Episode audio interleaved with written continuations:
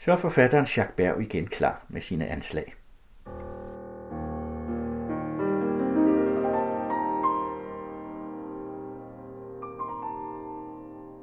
Anslag midt i en coronatid. I den sanitære indespærings Frankrig er det stadig på telefonen, at forfatteren og journalisten Jacques Berg læser egne tekster om verdens gang set fra Lyberon i Sydfrankrig, hvor han har boet i årtier. I denne uge er det historier, udfald og meninger fra Notesbogen 2015 til 2017.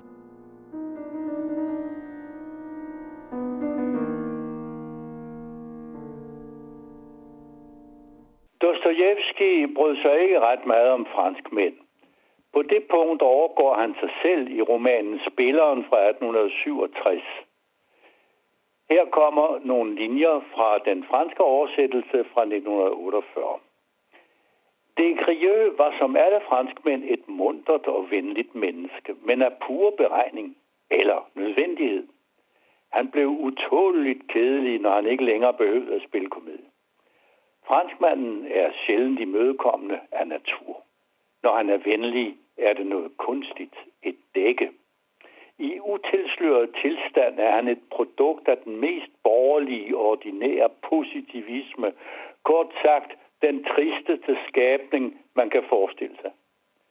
Efter min mening kan en franskmand udelukkende forføre uerfarne piger, især russiske noviser. Hvor har Fjodor dog de tanker fra?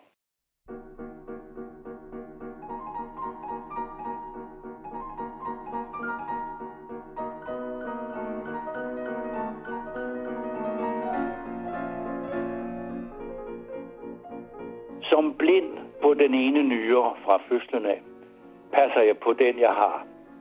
Den har indtil videre slidt for to og fungeret upåklageligt. Som tvunget til at tage en del medicin på grund af noget helt andet, kan jeg kun håbe på, at al kemien ikke en dag får bugt med mit enlige rensningsanlæg.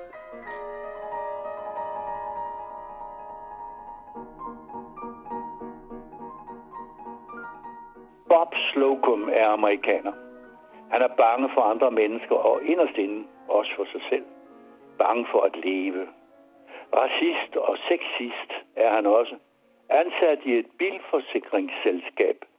Far til tre børn. En af dem er mentalt skadet. Hans verden er flad og konventionel, som nu hans arbejdsplads med kollegerne, intrigerne, bagholdsangrebene og de unge kvindelige sekretærer, som de mandlige ansatte forsøger at drage på nede i arkivet. Slokum er krybende over for sine forsatte, falsk over for sine underlagte, og da han ender med at blive forfremmet, erstatter han en haltende kollega, som han gik på bordel med, som afdelingsleder. Under sin ledelse, som han er ude af stand til at etablere, har han firmaets sælgere, en flok alkoholikere og maniske svindlere. Hans teenagerdatter er en hystade. Hans otteårige søn uudhold. Konen går ham på nerverne. Hun drikker dagen lang for at glemme, hvor meget hun keder sig. Men er der stadig til at gå i seng med, fortæller han detaljeret. Den yngste, Derek, er født med en alvorlig hjerneskade. Han får det onde op i faren, der helst vil glemme alt om sønnen, men hele tiden spekulerer på, hvordan familien kommer af med det menneskelige affald, de desværre har i huset.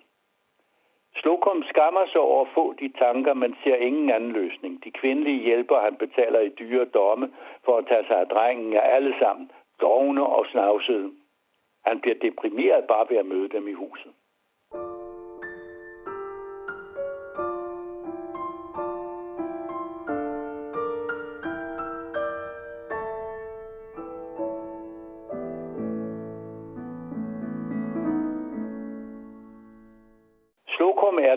Typiske lille white middle class person fra 1970'erne. Selv hans mareridt er dødssyg. Hans kone vækker ham, så han kan komme ud af dem, hvorimod han bare lader hende leve sine til ende, når hun får nogen. Sadist til og med. Hans far døde, da han var lille. Hans mor endte med at blive kugleskør, hvad der passer ham udmærket. Han besøgte hende på plejehjemmet, men det var hurtigt blevet tomgangsoplevelser. De havde ikke noget at sige til hinanden. Da den ledespand, hans udtryk, endelig dør, er det en stor lettelse for ham. Det er ikke for meget sagt, at Joseph Hellers roman gik mig på. Den ordinære galnings 565 sider lange monolog fangede mig i en fælde. Jeg havde indimellem lyst til at droppe bogen, og dog har jeg nu i tre uger kastet mig over den, så snart jeg havde et øjeblik. Modvilligt fascineret af en forfatter, der kan det usandsynlige, få sin læser til at tro, at han kender ham bedre, end han selv gør. Fortælleren i romanen er afskyelig, men samtidig uventet rørende i alle ords betydninger, følelsesmæssigt og rent konkret. Hovedpersonen giver læseren en art særlige kuldegysninger. Den seje stakkel er en fladpandet narcissist, men han siger tingene lige ud. Ja, nærmest brutalt, uden hensyn til høflighedsnormerne i sit eget småborgerlige miljø. Som om ingen alligevel hører, hvad han siger. Og det er måske det bizart forførende ved den ellers frastødende skikkelse. Der er noget Wellebeck's over Slukum.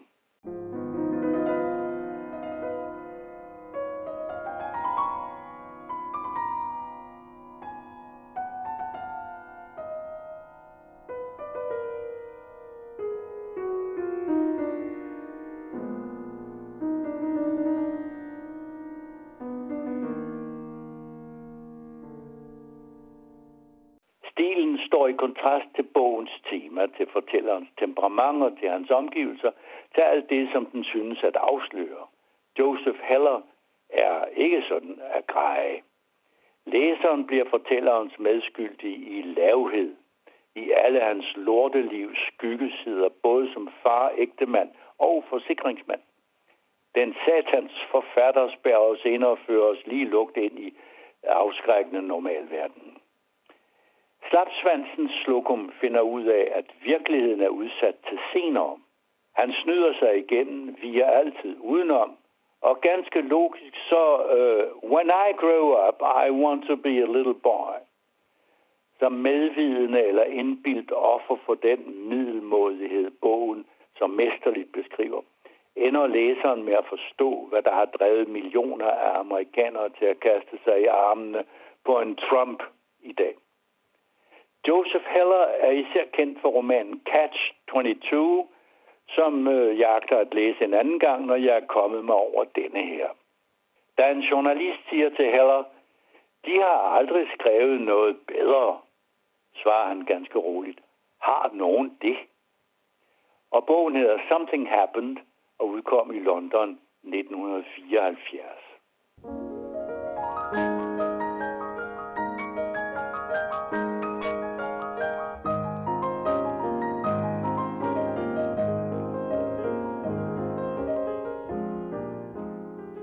lidt mere om den franske præsident. Emnet er jo uudtømmeligt. Da François Hollande overtog Elysée, lovede han at være det modsatte af sin forgænger Sarkozy, der ikke alene præsiderede, men også ville regere. Han omtalte sin premierminister som en medarbejder. I det Hollande påtog sig lederskikkelsens jordiske fremtoning, som er svær at undgå, forkastede han samtidig den officielle krop – den højtidlige og udødelige. Derved afviste han tanken om at genfødes i en så at sige hellig funktion og gå over til at leve i de middelalderlige kongers andet lægeme, det overjordiske, det evige. Det var Ernst Kantarovich, der formulerede teorien om de to lægemer i bogen The King's Two Bodies, udkommet på Princeton University i 1957. I middelalderen udkastede teologerne teorien om, at monarkerne besad to lægemer.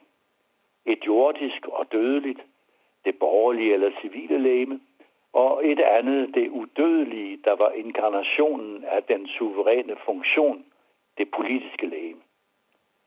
Kongen er død, leve kongen, råbte man ved magtoverførselen, hvor det menneskelige hylster blev lagt i graven, sarkofagen, mens den monarkiske funktion levede videre i tronarvingen, hvorved monopolstyrets fortsættelse var garanteret.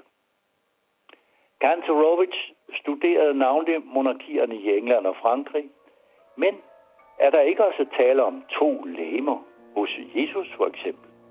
Han var menneske og Guds søn, ja selv Gud. Fascinerende dobbeltspil.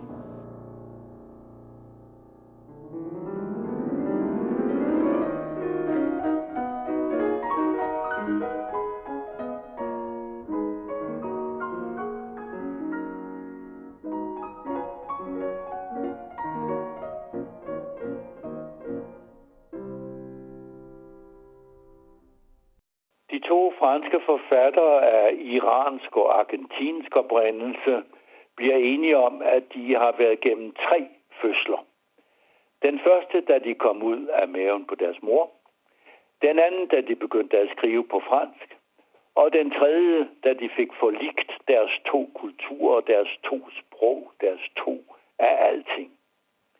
De to unge kvinder er livlige, lyser af velvære, de er intelligente og smukke, Bare ved at sidde der i fjernsynets bogprogram, drukner de alle de hysteriske skrig fra vildledte nationalister om, at der er noget, der hedder hos os, og som de fremmede skal holde sig fra.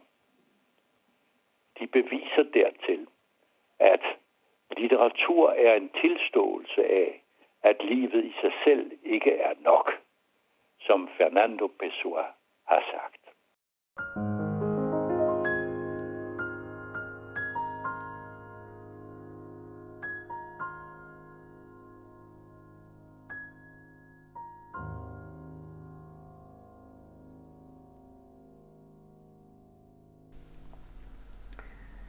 Musikken var uddrag af den sydfranske komponist Deodat de Severacs klaversuite Sardana, som Jean-Joël Barbier spillede. Det er Jesper Tang, der tilrettelægger anslag. Du lytter til den anden radio.